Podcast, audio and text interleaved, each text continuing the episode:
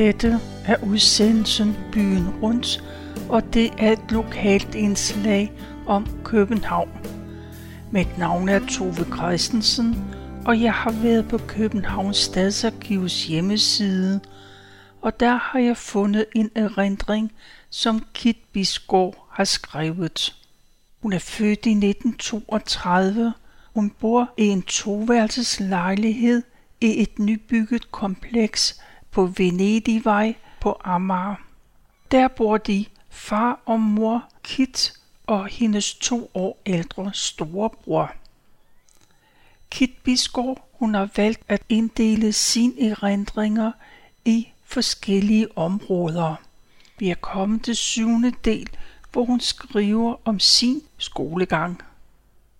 Hun skriver, vi fik karakterbog med hjem til underskrift hver 14. dag, men vi fik ikke karakter i de forskellige fag før i anden klasse. Det, der skulle skrives under på, var de tre discipliner flid, orden og opførsel. Og det højeste, der kunne gives, var fem. I de rigtige fag kunne man nå helt op på seks, men man havde åbenbart skønnet, at det var umuligt for et barn at nå så højt i de omtalte discipliner. Jeg var ikke så bange for karakteren i flid og opførsel, men orden. Lige meget hvor omhyggelig jeg var, hentede det, at jeg glemte en bog, et penalhus eller gymnastiktøjet. Vi havde at fortælle lærerinden om en sådan forsømmelighed straks ved timens begyndelse. Ellers ville der ske os endnu værre ulykker, hvis det blev opdaget. Det, der kunne få ens verden til at styrte i grus, hed et spørgs. Spørgset blev højtidligt indført i protokollen, og når tiden var inde, indskrev fru Gunnarsen det i karakterbogen, så der i stedet for fem stod fem spørgsmålstegn, eller hvis man havde fået den redsomme straf mere end en gang i de forløbende 14 dage, flere plus, eller hvis det var helt galt med en, sågar fire med udråbstegn.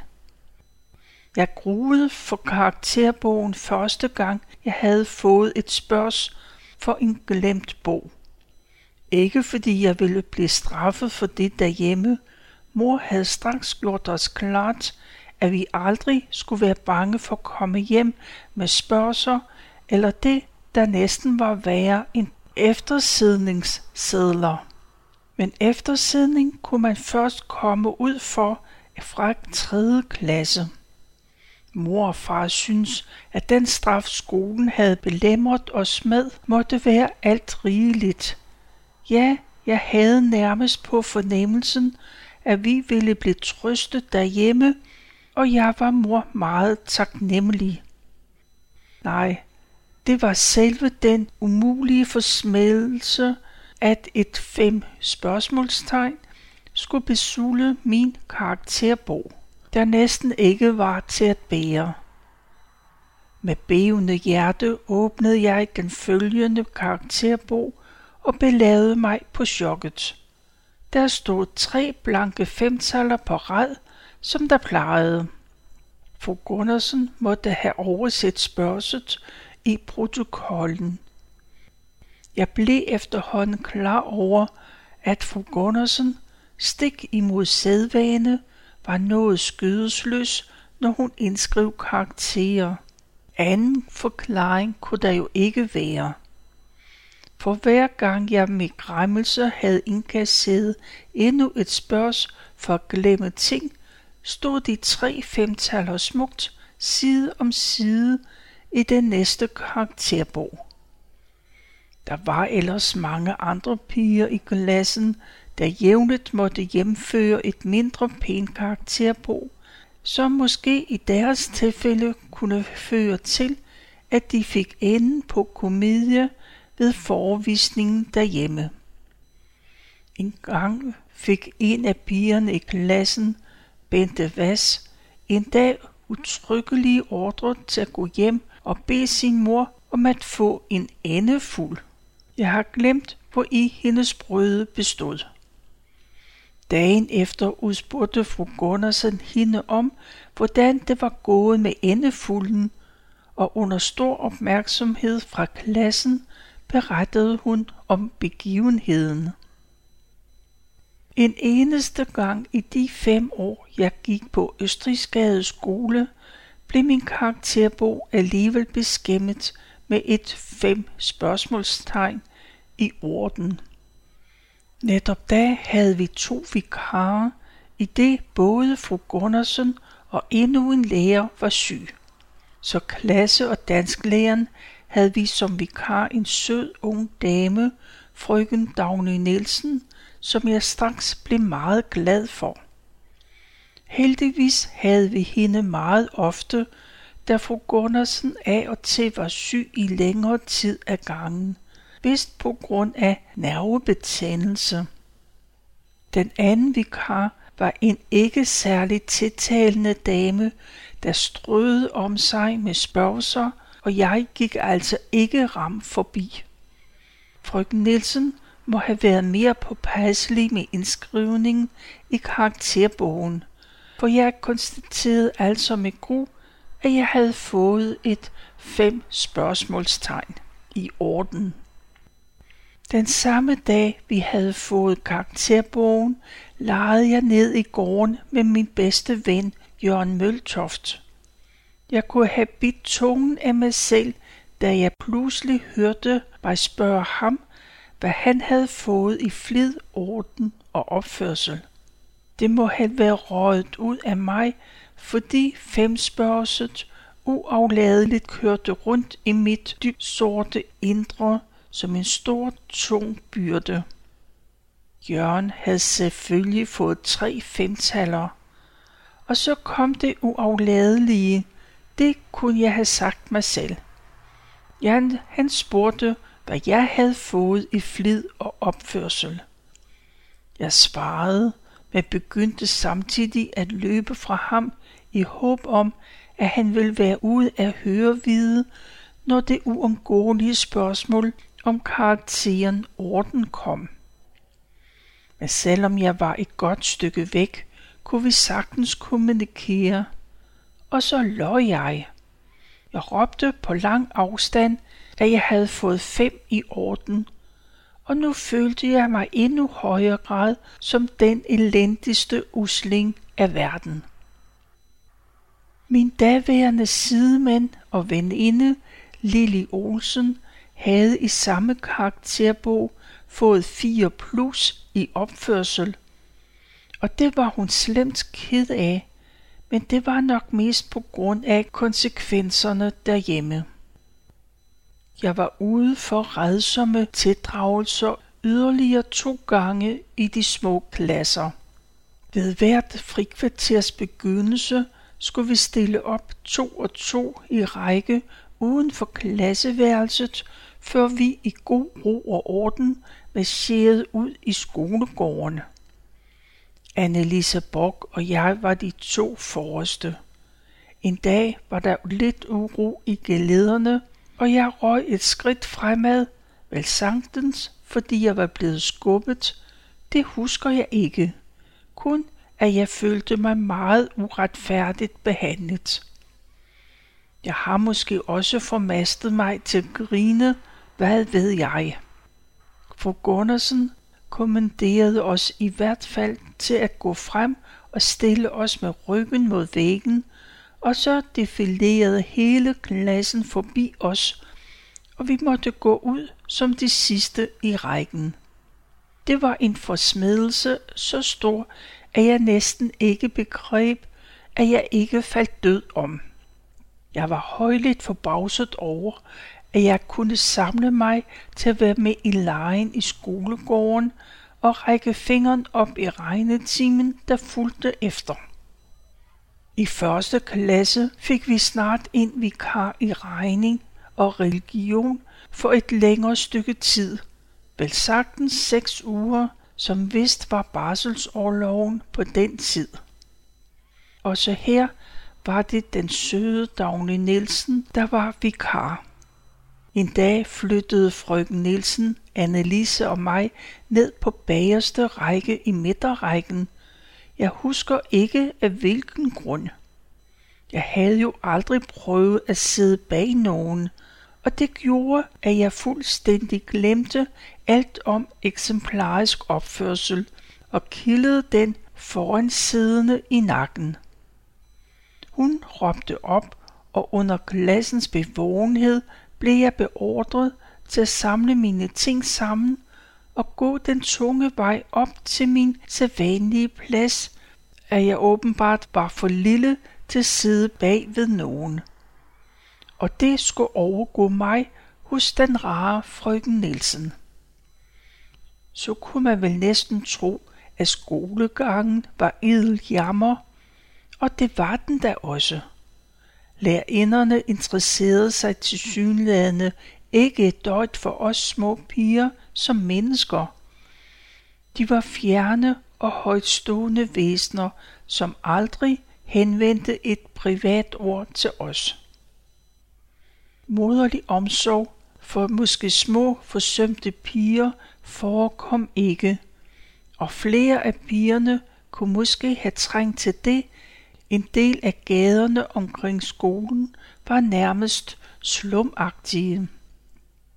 Frøken Jørgensen må jo have fået mindst et barn, men om det blev en dreng eller en pige, ved jeg ikke, da hun ikke omtalte begivenhed efter sin barselsårlov.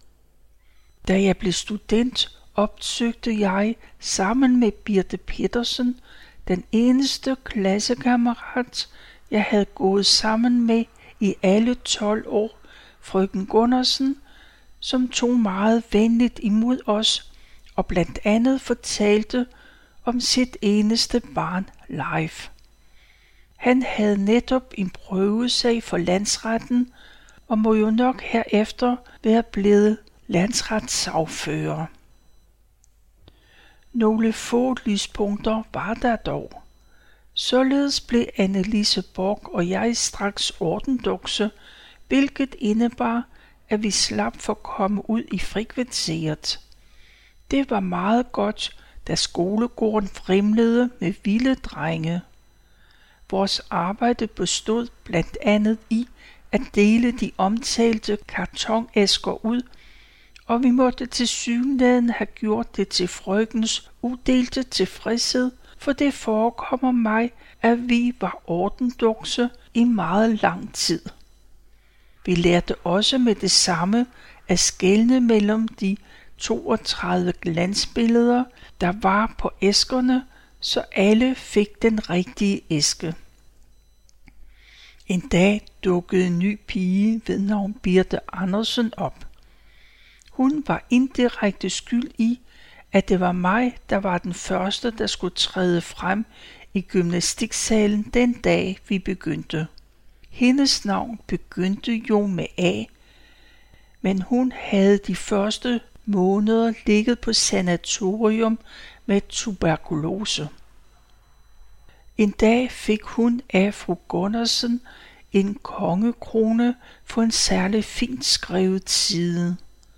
En kongekrone var en lille tegning af en kongekrone nederst på den fine side, men samtidig blev Birtes navn skrevet på det store og normalt ubenyttede tavle ved dørrækken, og kongekrone blev tegnet ved siden af. For Gundersen var en eminent tegner. Med kridt i flere forskellige farver tegnede hun alle nye navneord, vi lærte på tavlen. Da vi en time senere havde fru Jørgensen, stillede Birte sig ved tavlen og pegede op på sin kongekrone uden at sige et ord. Her var jo noget at stræbe efter, og jeg gjorde mig da også så meget umage, at jeg som den eneste til sidst havde fem kongekroner på rad på tavlen. Der var andre former for belønninger til de dygtigste. Da det var forbi med kongekronerne, fik vi klistret et glansbillede ind nederst på en meget fin side. To gange fik jeg en medalje for noget fint hos fru Gundersen. Den ene gang var en to øre, og en anden en ti øre, taget op af hendes egen på. Jeg var den eneste, der fik hele to.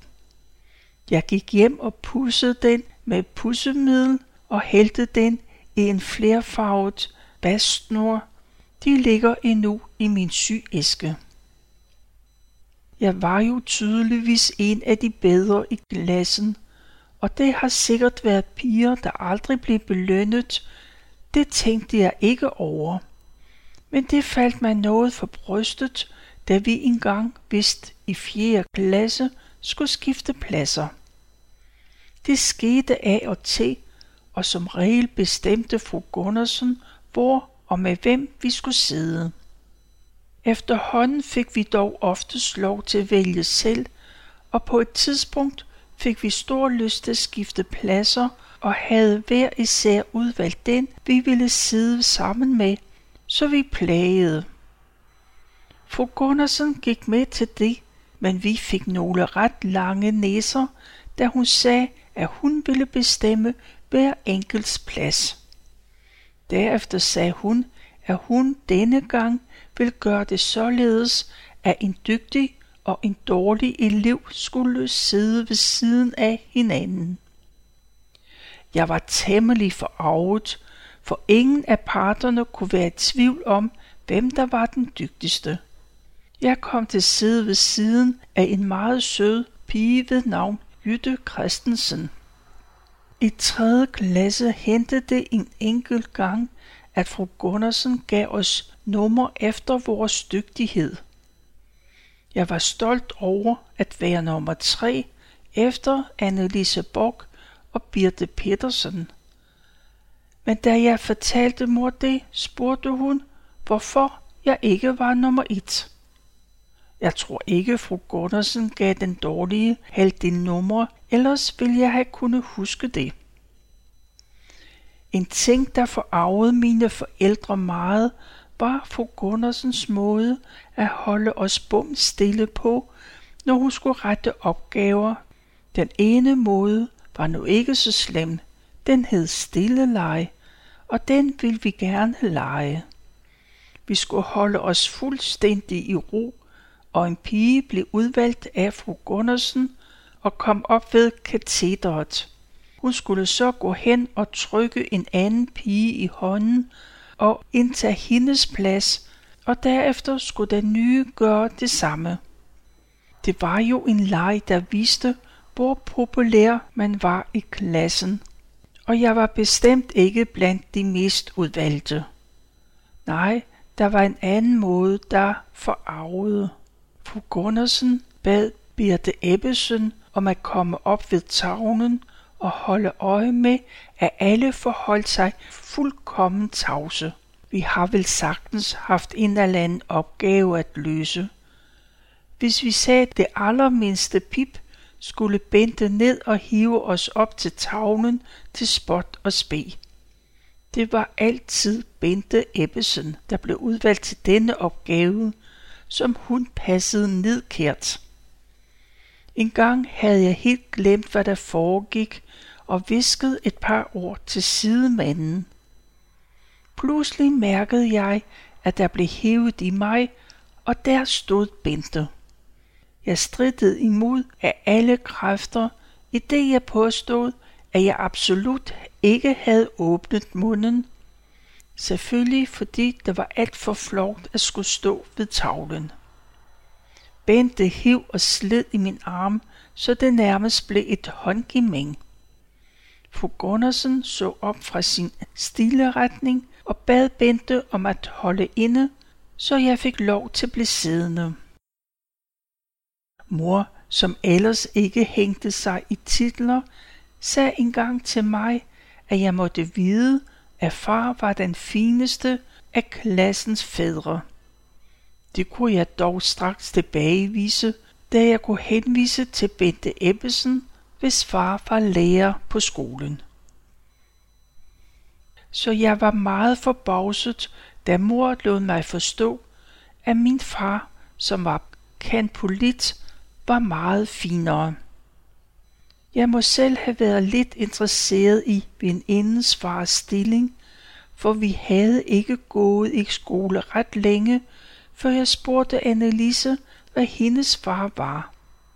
Med rivende tungefærdighed sagde hun, at han var jord- og betonarbejder, og jeg var dybt imponeret.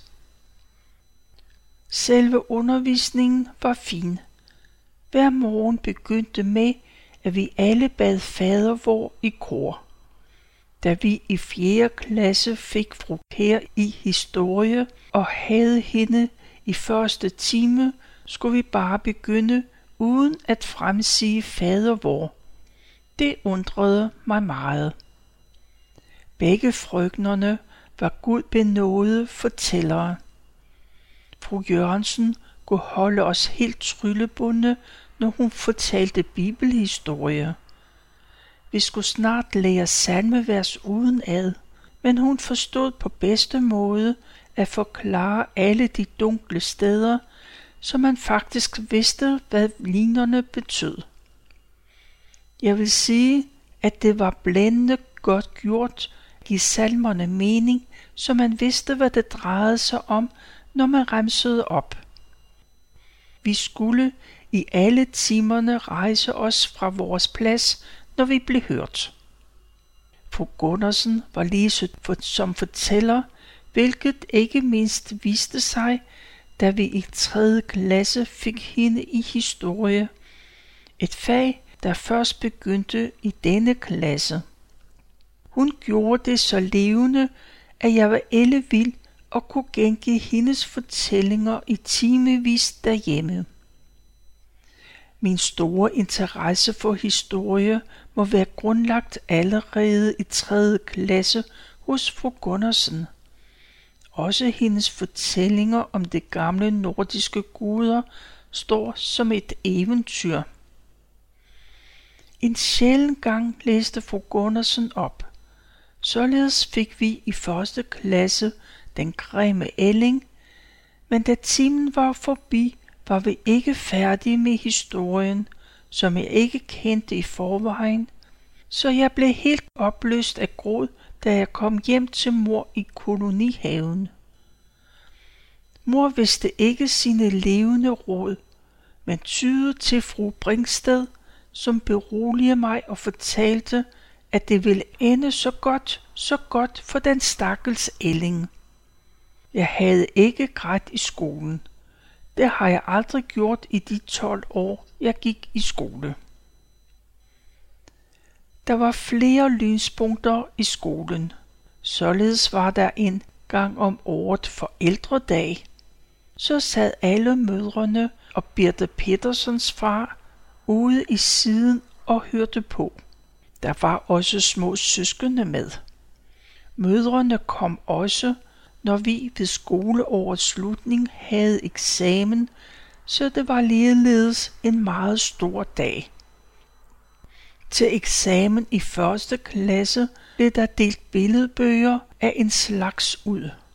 Faget hed egentlig dansk med i agtagelse, men det var den eneste dag i året, vi havde dette sidste fag. Vi skulle altså fortælle om det, vi kunne få ud af de enkelte detaljerede billeder. Fra anden klasse og op efter blev vi hver især hørt en lille smule på eksamensdagen, men det var bestemt ikke noget, der gjorde os nervøse.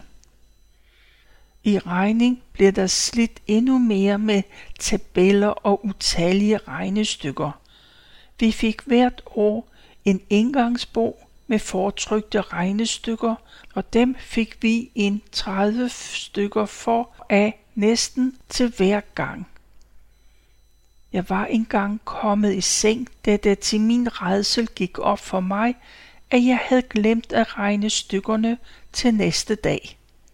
Tud brølende kom jeg ind i stuen og fortalte det. Men far regnede lynhurtigt stykkerne, så jeg bare kunne skrive dem ned efter hans diktat. Jeg fik ellers aldrig hjælp til lektier. En anden gang kunne jeg ikke finde min lille tynde atlas, da jeg pakkede taske før sengetid. Mor og far var i Vartov til møde, og da de kom hjem, gik både Jens og jeg og ledte efter det famøse atlas, jeg naturligvis storflæbende. Vi skulle ellers have været i vores senge flere timer før. En af de voksne fandt atlaset glædet ned og skjult i siden af en lænestol. Til eksamen i regning skulle vi trække to hovedregnestykker og straks regne dem i klassens og mødrenes påhør. Et år sagde fru Jørgensen, da hun så mit første stykke, at det var rigtig nok for nemt for mig, men hun var mere tilfreds med sværhedsgraden i stykke nummer to. Jeg var meget fortørnet over, at hun ikke kunne undebare mig et let stykke og skældte ud til mor på hjemvejen. Men mor sagde til min forundring, at det kunne jeg kun være stolt over. Et år fik jeg udleveret en udstoppet fugl, som jeg skulle gøre rede for. Vi brugte meget tid på at gennemgå alverdens udstoppede dyr i 4. og 5. klasse. For uden naturhistorie havde vi også fået geografi, begge fag med fru Gundersen.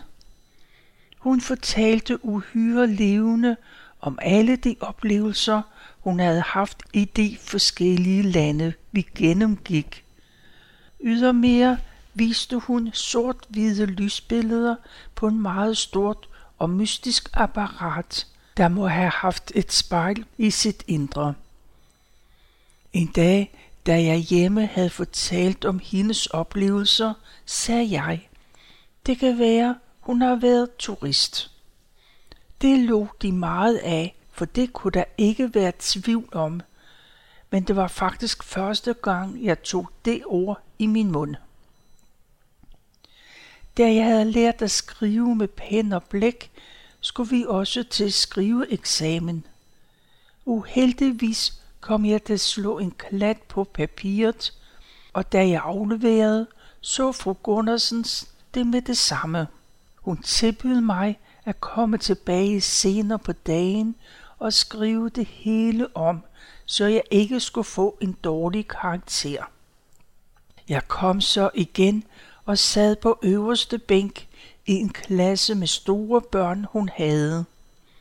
Klassen var i amfiteaterfasong, derfor sad jeg og tronede højt hævet på overgulvet. Endnu et lyspunkt kan nævnes.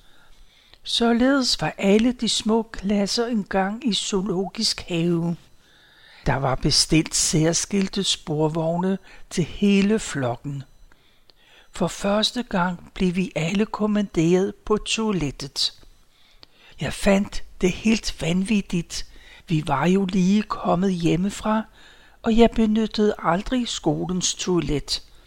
Det gjorde jeg ikke en eneste gang i de 12 år, jeg gik i skole. Men her måtte jeg altså lukke mig ind i et passende stykke tid, før jeg gik ud igen. Der var også noget festligt over tiden før jul. Fru Gundersen var jo en stor kunstner, så hun satte os i gang med forskelligt. Således lavede vi kugle runde lerlysestage med tre små runde fødder, som vi også skulle male. Det var så langt jeg nåede at læse fra Kit Biskors erindringer. Det her, det er syvende del af hendes erindringer, hvor hun har fortalt om sin skoletid. Du kan læse hele hendes beretning på kbharkiv.dk. Og nu er der bare tilbage at sige tak for nu, og tak fordi du lyttede med.